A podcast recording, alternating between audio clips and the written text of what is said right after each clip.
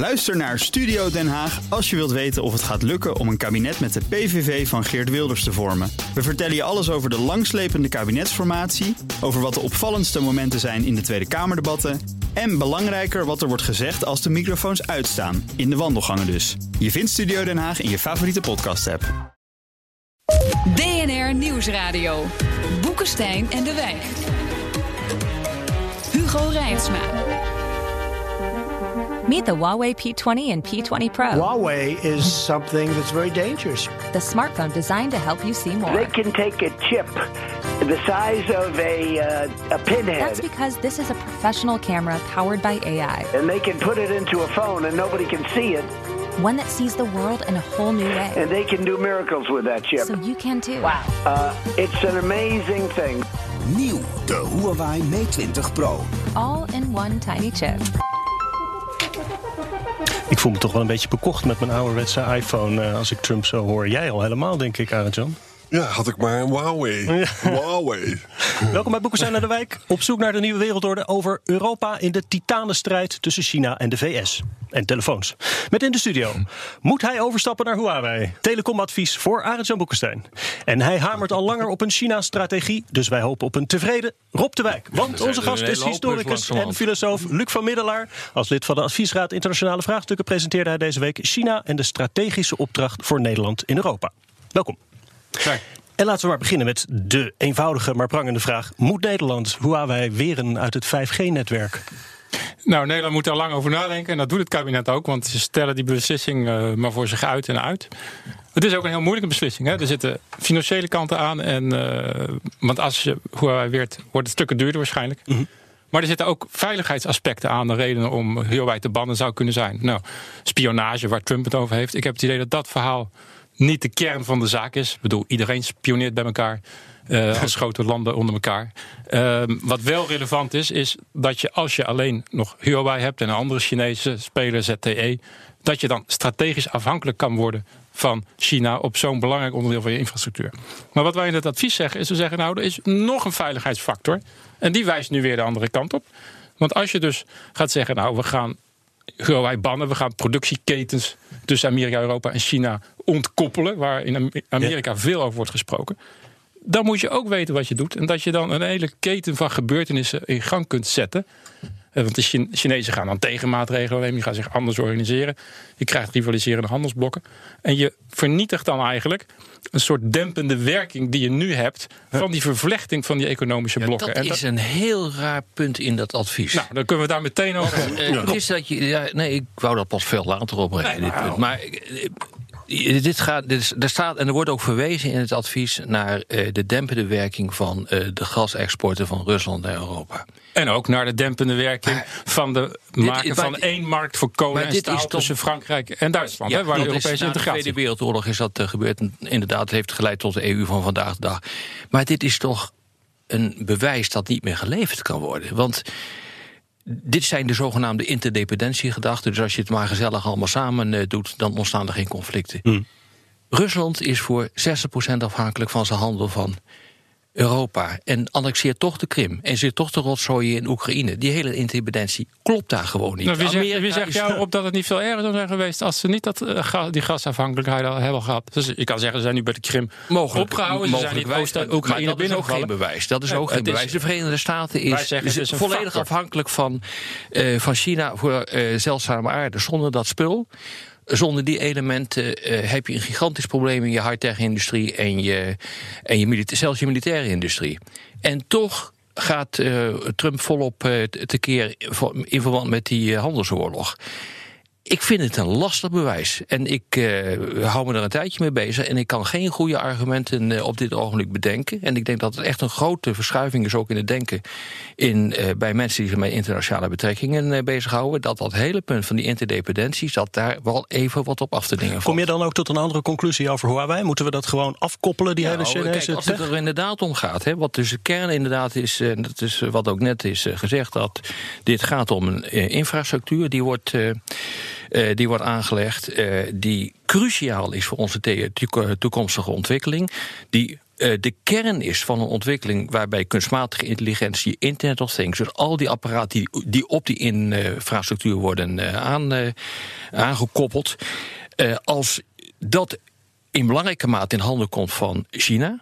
En die bepalen ook de standaarden van de wijze waarop je alles daarop aankoppelt, ja, dan maak je het totaal afhankelijk. En dan moet je wel echt heel erg goed over nadenken of je dat wel wil. Nou, nee, dan, dan, moet bij jou de doorslag geven. Zeg jij handel blijven drijven als liberaal? Nou, moet je engage? er is spanning tussen veiligheid en economisch belang. Hè? Ik, ik ga het even van de andere kant aan.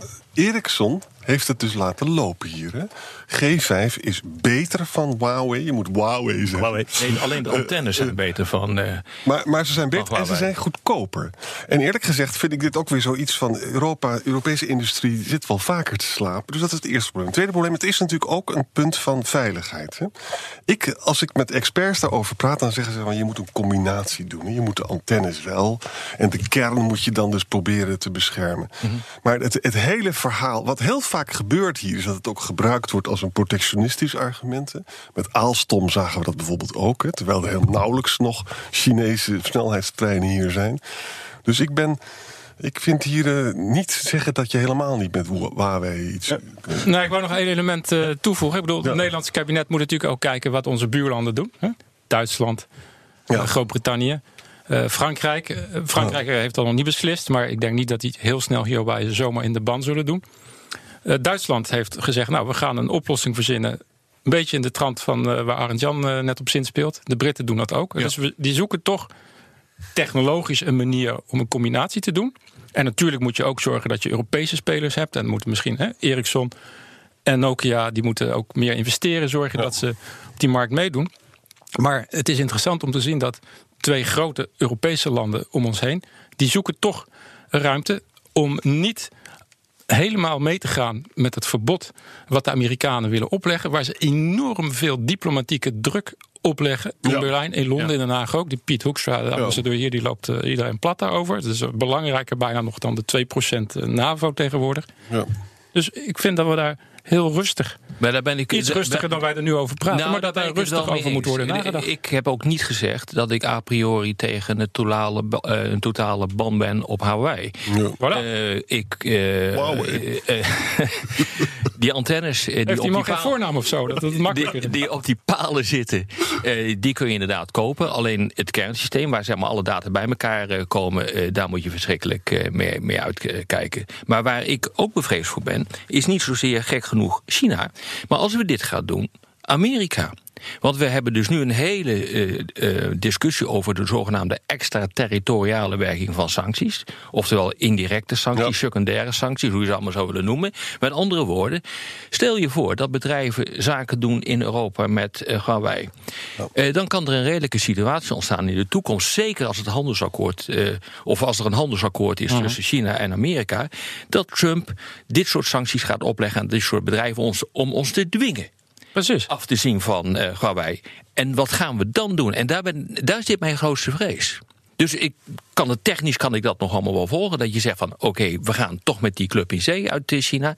Maar wat gaat Trump doen op termijn? Luke, weet jij dat? Nou ja, ons advies gaat er nou over. We hoeven niet als konijntje te gaan zitten wachten tot Trump met zijn knuppel eraan komt, omdat wij iets met Huawei doen.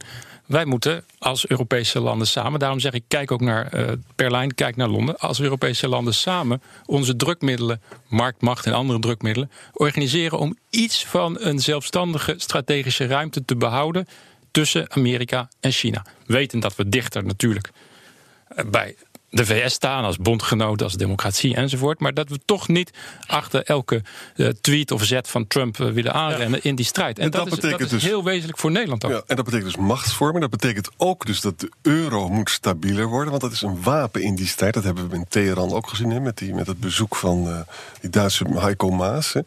Dit gaat over de dollar-suprematie, die extraterritorialiteit. Ja, maar het is meer Absoluut. dan dat. Dit gaat ook over de praktijken, de handelspraktijken van China. Realiseer je, eh, Arjan zei ook van ja, het is goedkoper. Dat klopt. Maar waarom is het goedkoper? 80% van de markt in China is afgescheiden. Daar mogen Huawei en ZTE, de twee grote ondernemingen op dit uh, gebied, die mogen daar eigenlijk doen laten wat ze willen. Kunnen met relatief, veel? Relatieve hoge prijzen kunnen ze uh, bedingen. Ja, 20% daar moeten uh, de overige spelers, Nokia, uh, Ericsson, maar ook Samsung in steeds meer, die moeten daar eigenlijk zich kapot vechten voor dat laatste restje. wat er nog is op 5G-gebied.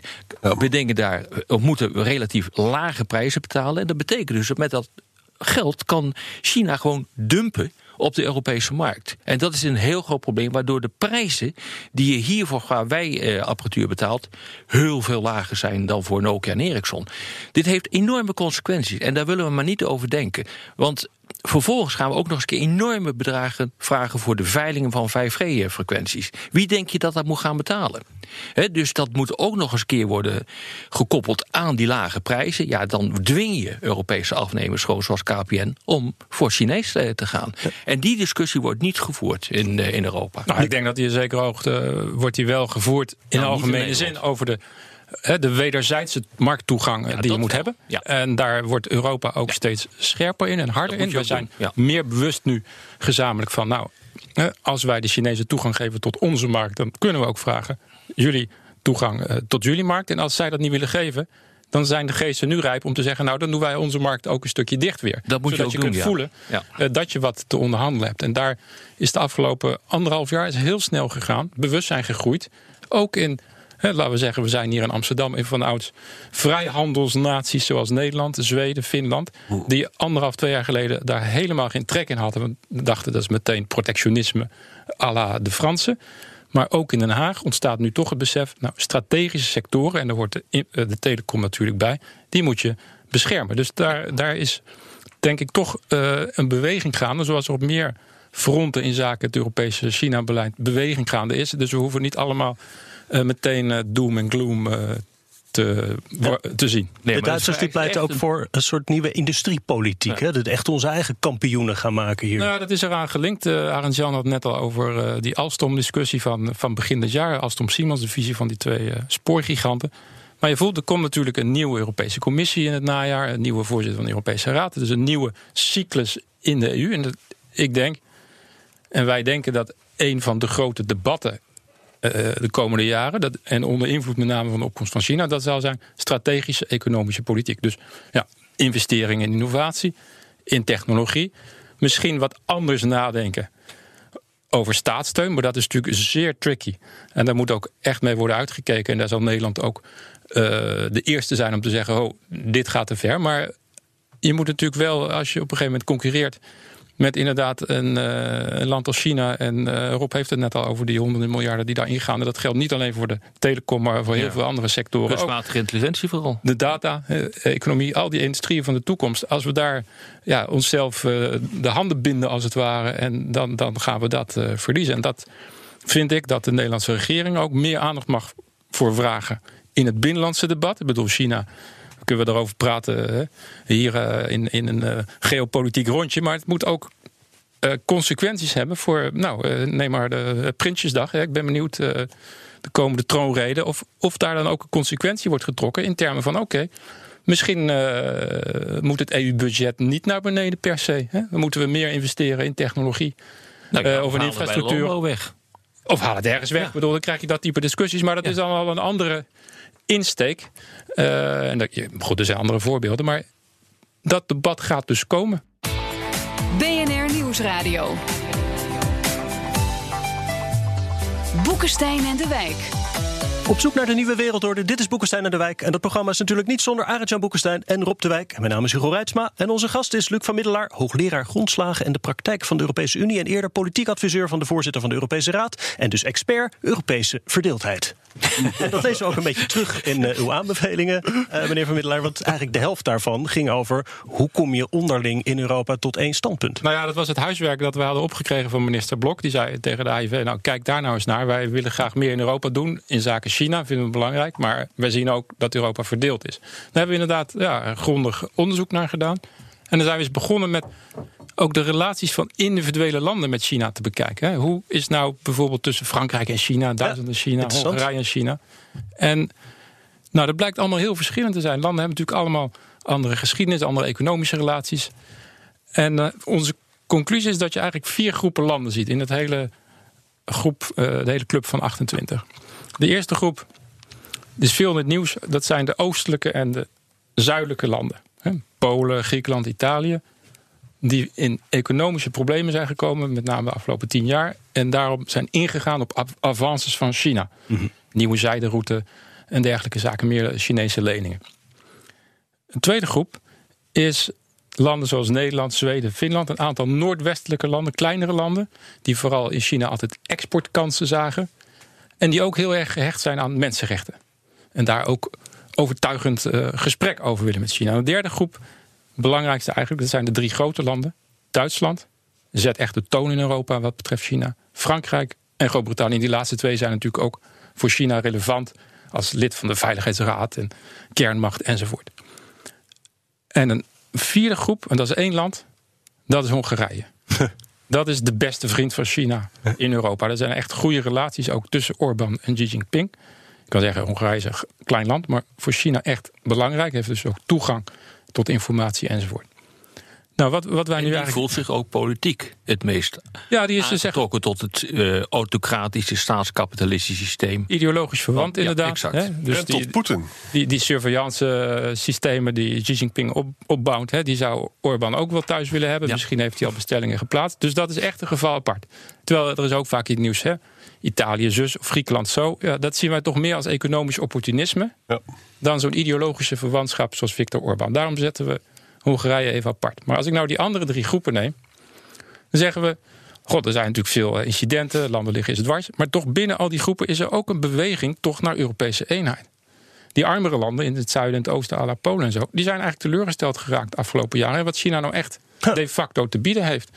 Die projecten die banen zouden opleveren, die leveren weinig op. Leningen zijn slechte voorwaarden. Dus die, die willen ook wel weer een beetje terug naar het Europese hartland. Nou, landen zoals Nederland en Zweden hadden we net eigenlijk al over in de die zijn toch iets gevoeliger nu ook geworden voor strategische argumenten, voor bescherming van eigen industrie enzovoort.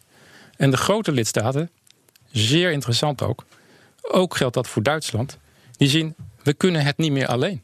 Ook wij, Berlijn, Parijs, moeten samen met onze Europese buren China aangaan. En dat zijn ook mooie, heel ja, zichtbare momenten van. Uh, een paar maanden geleden. Uh, Xi Jinping op bezoek in Parijs bij president Macron. Wat doet Macron? Hij nodigt Merkel uit. Hij nodigt Jean-Claude Juncker uit op het bordes van het Elysée om te laten zien: nou, wij zijn één gesloten front. En dat is een sterk signaal. En bij dat soort bewegingen naar eenheid kan ook de Nederlandse regering dus aansluiten. We doen er voorstellen voor. En uh, wat dat betreft is het niet allemaal kommer en kwel. Nee, wel totale verdeeldheid, maar misschien minder. Uh, minder verdeeldheid, ja, ja. En er zijn dus ook manieren om die verdeeldheid te verminderen nog andere manieren. Maar begin eens te kijken met wat er al gebeurt. Het is niet allemaal statisch en het is niet allemaal fragmentatie. Er zit dynamiek in. Dat is misschien goed uh, nieuws, Rob. Ja, waarschuwt nee, vaak voor die Chinese invloed, dus die, die Belt and Road. Nee, maar daar ben ik het ook wel uh, mee eens. Uh, zelf ook onderzoek gedaan naar de impact van China. En je ziet dat dat buitengewoon gefragmenteerd is. Er wordt een hoop geld ook in projecten gekwakt. En vervolgens wordt het falikante mislukking. Dat zien we bijvoorbeeld in uh, Zuidoost-Europa. De Balkan zien we dat. We zien het uh, in Afrika gebeuren. Nee, daar ben ik het uh, wel mee eens. Alleen de vraag is in hoeverre kan je nou die landen die nu enigszins wankelmoedig staan ten opzichte van China weer echt volop bij, bij Europa trekken, bij de Europese Unie trekken? Want ik heb wel het gevoel dat uit puur opportunisme nogal wat landen toch bezig zijn om met van twee walletjes te eten. Dat zie je nu met Italië, die zich heeft aangesloten bij het Belt and Road initiatief, die nieuwe zijderoute.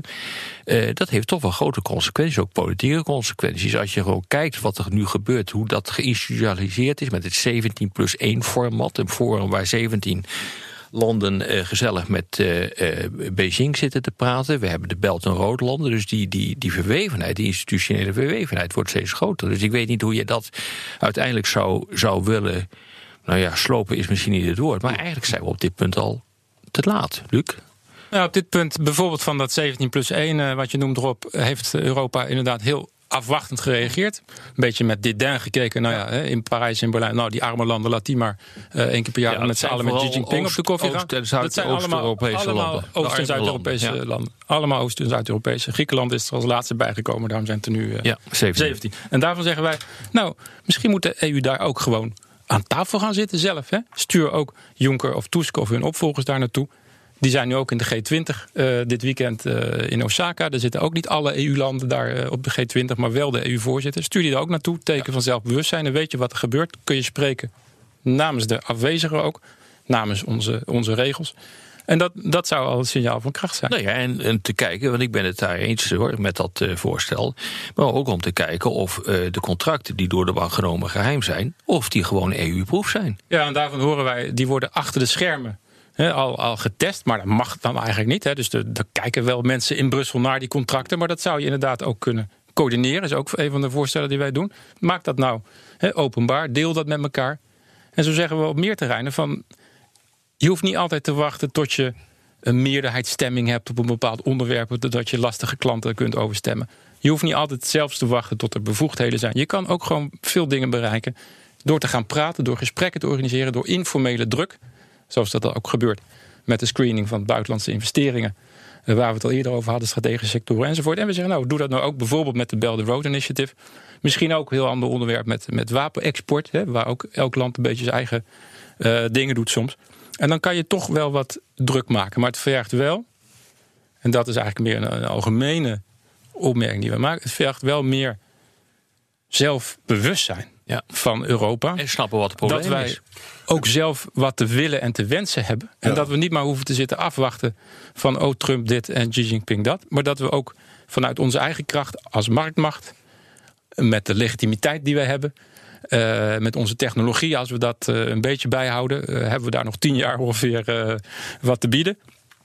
Kunnen wij ook dingen eisen? En daar moet veel meer strategisch over worden nagedacht. In Den Haag, Parijs, Berlijn en ook in Brussel. Ja, en dat is belangrijk. Ben ik die wij eens. Hè? En we hebben natuurlijk in het vorige deel hebben het over 5G gehad. Maar veel mensen realiseren zich niet dat Amerika geen 5G bedrijven heeft. Ja. Die zijn of Chinees klein beetje uh, Koreaans, of die zijn Europees. Gebruik dat dan ook, zou ik zeggen, als een strategisch drukmiddel. En bevoordeel dan die bedrijven misschien ook wel. He, je moet dan echt gaan nadenken in dat soort uh, termen, wil je er echt een vuist kunnen maken. En we zitten ook een beetje te slapen, hè? want in het rapport heb ik ook gelezen van uh, Piraeus. We weten allemaal dat China dat voor de helft heeft. Hè? Dat schijnt dus aangeboden geweest te zijn aan Rotterdam. Rotterdam is er geen interesse. Rotterdam zit wel in Oman trouwens. Hè? Nou, Genua zijn de Chinezen nu ook bezig. En ook in Spaanse havens. Hè? Nou, dan heb je containerverkeer. Vanuit Rotterdams perspectief is dat toch wel interessant wat daar gebeurt. Ja, daar moeten ze erg goed op uh, letten. Dat is één, we zeggen dat heel uh, voorzichtig hoor, maar we zeggen, we zeggen niet uh, moord in brand. Maar we zeggen nou, blijf daar goed op letten. Want als dat containertransport mondiaal op een gegeven moment verschuift meer van de Atlantische Noordzeeroute, Rotterdam en Antwerpen enzovoort, naar de Middellandse Zee. Ja, dat, maar waarom zeg je dat allemaal zo voorzichtig? Waarom zeg je niet gewoon als jullie zo doorgaan, dan wordt Rotterdam de achterdeur van Europa, niet de voordeur? Waarom zeg je dat niet gewoon? Omdat dat nu, dat, dat is nu nog niet waar. He, Rotterdam heeft nu een heel sterke positie, maar ik denk dat wij. Uh, wij weten duidelijk aangeven dat, dat, hier, uh, dat hier een gevaar uh, zit op termijn. En dat het nu een moment is om dus het gesprek ook met Italië en Griekenland aan te gaan. En daar niet alleen heb je gelijk in, maar daar blijkt geen urgentie uit. Ik bedoel, de urgentie is om dit te voorkomen. Ik bedoel, als je een klein beetje verstand hebt van internationale betrekkingen, en dat hebben jullie, dan weet je ook welke richting dit opgaat. En dan moet je daar ook op anticiperen. En uh, wat ik vind, en dat zie je dus ook in de uh, strategie van het kabinet. Uh, ja, het is toch allemaal gematigd. De, de spreekt te weinig. ergens een harde grens ik hebben. Wil, ik wil gewoon dat het duidelijker is. En um, ja, dat is buitengewoon belangrijk om te kunnen anticiperen. En anders wordt er niet geanticipeerd. Zeker niet in de politiek. Ik denk dat wat dit advies doet, is bepaalde dingen agenderen. Heel duidelijk zeggen. Het strategisch uh, besef uh, vergroten. Ook in het Nederlandse binnenlands debat oproepen tot de vertaling van die vragen naar dat debat. En ik denk dat dit uh, een strategisch advies is, dat een enorme aanvulling is op die ja, brief uh, van Blok. Ik bedoel, daarom is daar de AIV ook om, om gevraagd. En dat dit, wij zeggen ook duidelijk vooraf, wij geven niet op alle vragen je antwoord die vandaag spelen, maar we willen hier ja, een, een kompas bieden eigenlijk voor de vragen waarvan wij weten, en Rob en aan die op ons afkomen de komende jaren. Dus wij zien het als een hmm. begin van een strategisch gesprek waar ontzettend veel achterstallig onderhoud is, zeker in Nederland. Dus uh, nou, laten we daarover daarom doorpraten. Wil, daarom wil ik meer urgentie hebben. Er is veel achterstallig onderhoud. Je begint nu pas te komen in de situatie waarin politici zich beginnen te realiseren dat er echt wat aan de hand is. En je moet gewoon snel meters maken. Voor de radio moeten we het hierbij laten. Op de podcast gaan we nog even door met luisteraarsvragen. Ik verwijs u naar iTunes, Spotify of uw eigen podcast-app. Daar kunt u ook vragen stellen en commentaar kwijt. Joris vraagt: waarom kiest Europa niet unaniem voor Nokia Ericsson voor 5G? Dat hadden we al een beetje. Kunnen ze dat eigenlijk? Ja, dat kunnen ze wel. Het is duur. En ze zijn niet zo goed als waar. Nee, nou, dat, dat, dat, ligt veel, dat ligt veel. Ik ga die bedrijven niet uh, uh, verdedigen, maar dat ligt veel genuanceerder. Dat hangt er maar net van af over welk onderdeel je het hebt mm -hmm. van de 5G-systeem. Als je het hebt aan de, over, de, antennes. over de antennes op palen, dan, uh, dan kan je gelijk hebben. En dat geldt weer voor andere onderdelen niet. Dus daar moet je heel goed naar kijken. Dit is een hele technische uh, discussie. Uh, en je moet dus, uh, wil je hier een besluit over nemen, moet je helemaal diep de technologie in gaan duiken. Maar mogelijk even, is dat niet. Uh, aan de besluitkant, je kan zeggen, ja, het zou misschien mooi zijn als alle landen hetzelfde zouden besluiten, maar dat kan niet in Brussel worden besloten. Dat is een besluit Inderdaad. dat elke lidstaat zelf neemt. Hè. Nederland denkt daarover naar andere landen ook. We zullen zien wat de, wat de uitkomsten zijn, maar je kan dat dus niet afdwingen met een stemming of dit of nee. dat. Je kan met elkaar erover praten. Adrie Scholte zegt, en deze zal Rob denk ik aanspreken... ik maak me zorgen over het opereren van China in Griekenland... evenals hun aankoop van landbouwgrond in Frankrijk. Ik heb het als volgt geformuleerd. Straks moeten we weer knokken met de VS in Syrië... en trekt China ondertussen Europa onder onze reet vandaan. Nou ja, zo'n vaart loopt het nou ook niet. En dat blijkt ook wel uit het uh, rapport uh, waar Luc aan mee heeft ge gewerkt. als je gewoon kijkt naar de cijfers, dan valt dat allemaal nog wel mee. Maar het is wel heel erg verschrikkelijk uitkijken. In die zin ben je denk ik nog net niet te laat. Maar wat hij noemt het woord landbouw. Dat is een hele interessante. Hm. Uh, als ik ook kijk naar het uh, rapport van de AIV, dan komt het landbouw eigenlijk nauwelijks in voor. He, je zou zeggen van als er nou één sterkte is, een strategische kracht is van Europa, dan is het landbouw. Waarom wordt dat niet strategischer ingezet? Heb jij daar een antwoord op, Luc? Nee, ik denk dat dat een, zeker een rol speelt in de handelsoorlog, uh, ook in de driehoek met de VS. Trump en zijn sojabonen. Wij hebben onze dingen die we willen verkopen. Dus daar, daar zit ook spanning dan weer tussen Europa uh, en de VS op dat front. Klopt. Maar dat past wel. Hè, het pleidooi dat wij houden. Nou, wees je meer bewust van je drukmiddelen, van je leverage, van je, van je kracht ja, want... in die relatie met China. En landbouw is natuurlijk zeker voor Nederland ook een heel belangrijk onderdeel van wat wij economisch hebben aan te bieden. En reken maar dat het gesprek dat uh, Rutte gisteren had op weg naar de G20 met Li Keqiang uh, in China. Dat het daar ook over, met de Chinese premier, dat het daar ook over kalfsvlees en, en dat type onderwerp is gegaan. Ja. Nou ja, realiseer je dat China een land is met 20% van de totale wereldbevolking en 9% van de landbouwgronden. Daar zit een gigantisch structureel probleem in. Europa is op, nou kijk alleen al eens naar Nederland, hoe, hoe, hoe wij scoren op dit uh, gebied. Dan moet je toch op een of andere manier moet je in, dat strategisch kunnen inzetten. Wat, nou ja, wat ik ook mis in het AIV-rapport is, wat ik helemaal niet een slecht rapport vind, maar er staat geen analyse in van de drukmiddelen. Waar druk je nou eigenlijk op bij China? Waar moet je op drukken om strategisch effect te krijgen? Staat er niet in. De Amerikanen zijn daar nu uh, over aan het nadenken hoe je dat moet doen. Maar dat zul je ook moeten doen. En waarschijnlijk speelt landbouw een grote rol hier. Ja, Van Pantra's Farida die vraagt, waar is China het kwetsbaarst? Nou, nou, kalfsvlees noteren wij dan. maar, dat, maar, Hugo, dat is precies mijn punt. Ja. Die analyse is gewoon onvoldoende gemaakt. Ik weet niet of jullie hem wel hebben gemaakt, maar ik kon hem niet tegen in dit stuk. Nou, we hebben een analyse gemaakt van de, van de drukmiddelen van Europa om al mee te beginnen. Ja, want dat dan moet je weten waar je op moet drukken. Ja, zeker wel, maar dat is toch al een begin. En dat is überhaupt niet ge, gebeurd tot nu toe. Daar is een, een heel uh, weinig besef van. Hè? Dus ik zou uh, dit glas uh, lijkt mij meer dan half vol, Rob, al zeg ik het zelf. in vergelijking met wat er voorhanden is, ook in het Nederlandse openbare debat. Natuurlijk kan je dan de volgende stap zetten. Waar uh, wil je op inzetten? Wat zijn de doelen die je wil behalen? Ik denk dat ook in, de, in Brussel, in de Europese Commissie, is dit voorjaar een aanzet tot een nieuwe strategie verschenen. Hè, waar ik nog niet over gehad, maar uh, met heel duidelijk veel sterkere taal dan mm. het verleden. En meer eis ook voor economische reciprociteit. Hè. Een van de dingen die wij willen, die Europa wil, is het openen van de markt voor openbare aanbesteding, om wat te noemen. Nou, hè. Je kan je voorstellen om hoeveel grote bedragen dat gaat. Daar hebben we niet over kalfsvlees uh, of een stukje uh, vlees in de soep, maar inderdaad om, om grote bouwprojecten of, of, of, of, of wat ook maar. He, dus daar zijn echt dingen die Europa ook uh, te willen heeft. En dat, en, dat, moet dus. Ja. Wij hoeven dit als AIV, hè, dus maar een halve man in een paardenkop die daar werkt. Maar wat wij zeggen is, organiseer de plekken in Den Haag, in Brussel, waar dit debat uh, plaatsvindt. We zeggen ook, als dat niet op gang komt, de komende jaren, onder de nieuwe Tusk en Jonker, ga dan misschien nadenken over een soort National Security Council, zoals je dat uh, in Washington hebt, op, voor de EU. Dus een plaats waar al die ja zowel economische als veiligheidspolitieke en strategische belangen samenkomen. Dat hoeven we hier niet allemaal inhoudelijk op te lossen. Maar het gaat erom dat er wel de aanzet wordt gegeven en de voorwaarden geschapen om dat soort vragen te kunnen beantwoorden. Daar ben ik het helemaal met Rob eens. Maar wat ik interessant vind, waar is China het kwetsbaar, was de vraag. Dat is een hele, is een hele interessante vraag. Waar voedsel, is, waar voedsel en uh, grondstoffen. Ja, maar het is nog iets anders ook. Iets heel, iets, iets, Poetin is het meest bang voor uh, democratisering. Xi is het meest bang dat, dat, die geest van Tiananmen Square weer terug zou komen. Hm. En hij kijkt naar Hongkong, daar ligt hij wakker van wat er in Hongkong gebeurt. Dus met andere woorden, als je nou heel... Nou, wat je nou gezien, als, als drukmiddel Arend Jan Boekenstein naar Hongkong sturen om daar een liberale revolutie te krijgen. wel schrikken. Ik zou link uitkijken, Nee, maar Luc, ik, ik, ga iets heel leuks zeggen. Ze, hebben dus, ze schermen hun mensen af met internetfilters. Hè?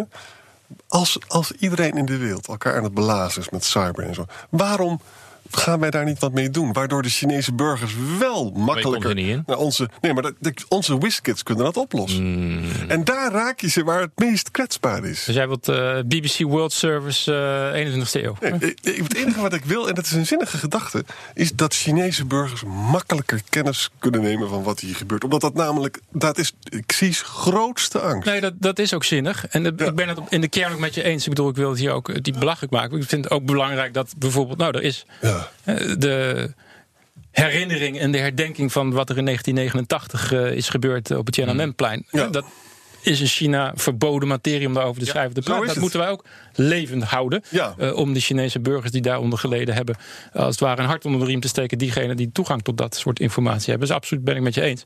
Maar ik zou in de strategische uh, afweging van, nou, waar ga ik nou eens even op, op, een, op een zenuw drukken? Is dit iets waar je natuurlijk heel erg mee moet ja, uitkijken. Maar, China ook, enorm kunnen. Indirect. Je, moet indirect, kijk, ik bedoel, die, die steun uh, voor de leiding in uh, Beijing die is afhankelijk van de mate waarin ze veiligheid en welvaart kunnen veroorzaken op moment, dus een drukmiddel, dat zijn essentiële zaken die te maken hebben met de welvaart. Dat gaat over voedsel, dat gaat over grondstoffen, dat gaat over energie. En er zijn nog een paar eh, van die dingen. Het is geen wonder uh, dat uh, de Chinezen bezig zijn met zo'n enorme uitbreiding van hun marines om ervoor te zorgen dat ze gewoon hun aanvoerleiders uh, vrij uh, of kunnen beschermen voor de aanvoer van grondstoffen. Dat doen ze al jaren en jaren zijn ze daarmee bezig.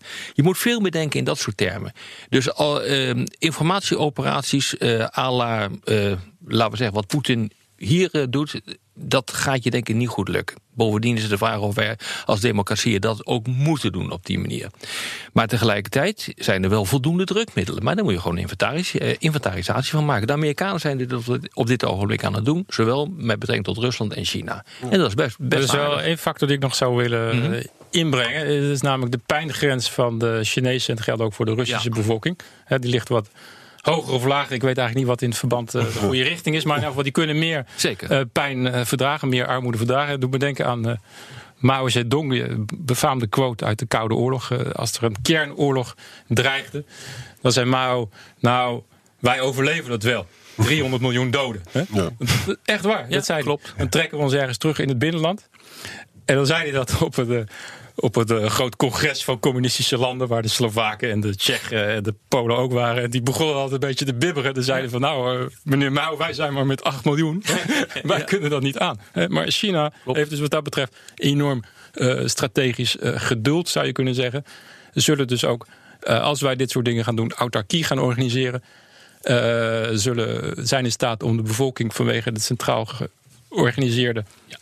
systeem pijn te doen lijden. Misschien zelfs zonder dat er opstanden van komen. Dus nou, ik zou dat allemaal. Maar eh, voedsel maar eventjes... is een cruciaal probleem. Ik bedoel, het is nogmaals een gegeven: 20% van de wereldbevolking, 9% van de landbouwgronden. Dat is niet oplosbaar. Dus zij moeten doen aan landgrab. Zij moeten overal land zien uh, te, te, kopen. Zij moeten toegang hebben tot, uh, tot dat soort voorraden. En dat moet volgens mij de Europese Unie echt inzetten. Ik noteer de aanvullende aanbevelingen van Boekestein en de Wijk. Het punt voedsel, vrij internet voor China. Arjan gaat naar Hongkong, toch? En allemaal een Nokia. Dit was weer Boekestein en de Wijk. Namens Arjan Boekestein en Rob de Wijk zeg ik dank voor het luisteren. Speciale dank aan Luc van Middelaar vandaag. En tot volgende week. Goeie samenvatting, Hugo. All in one tiny chip.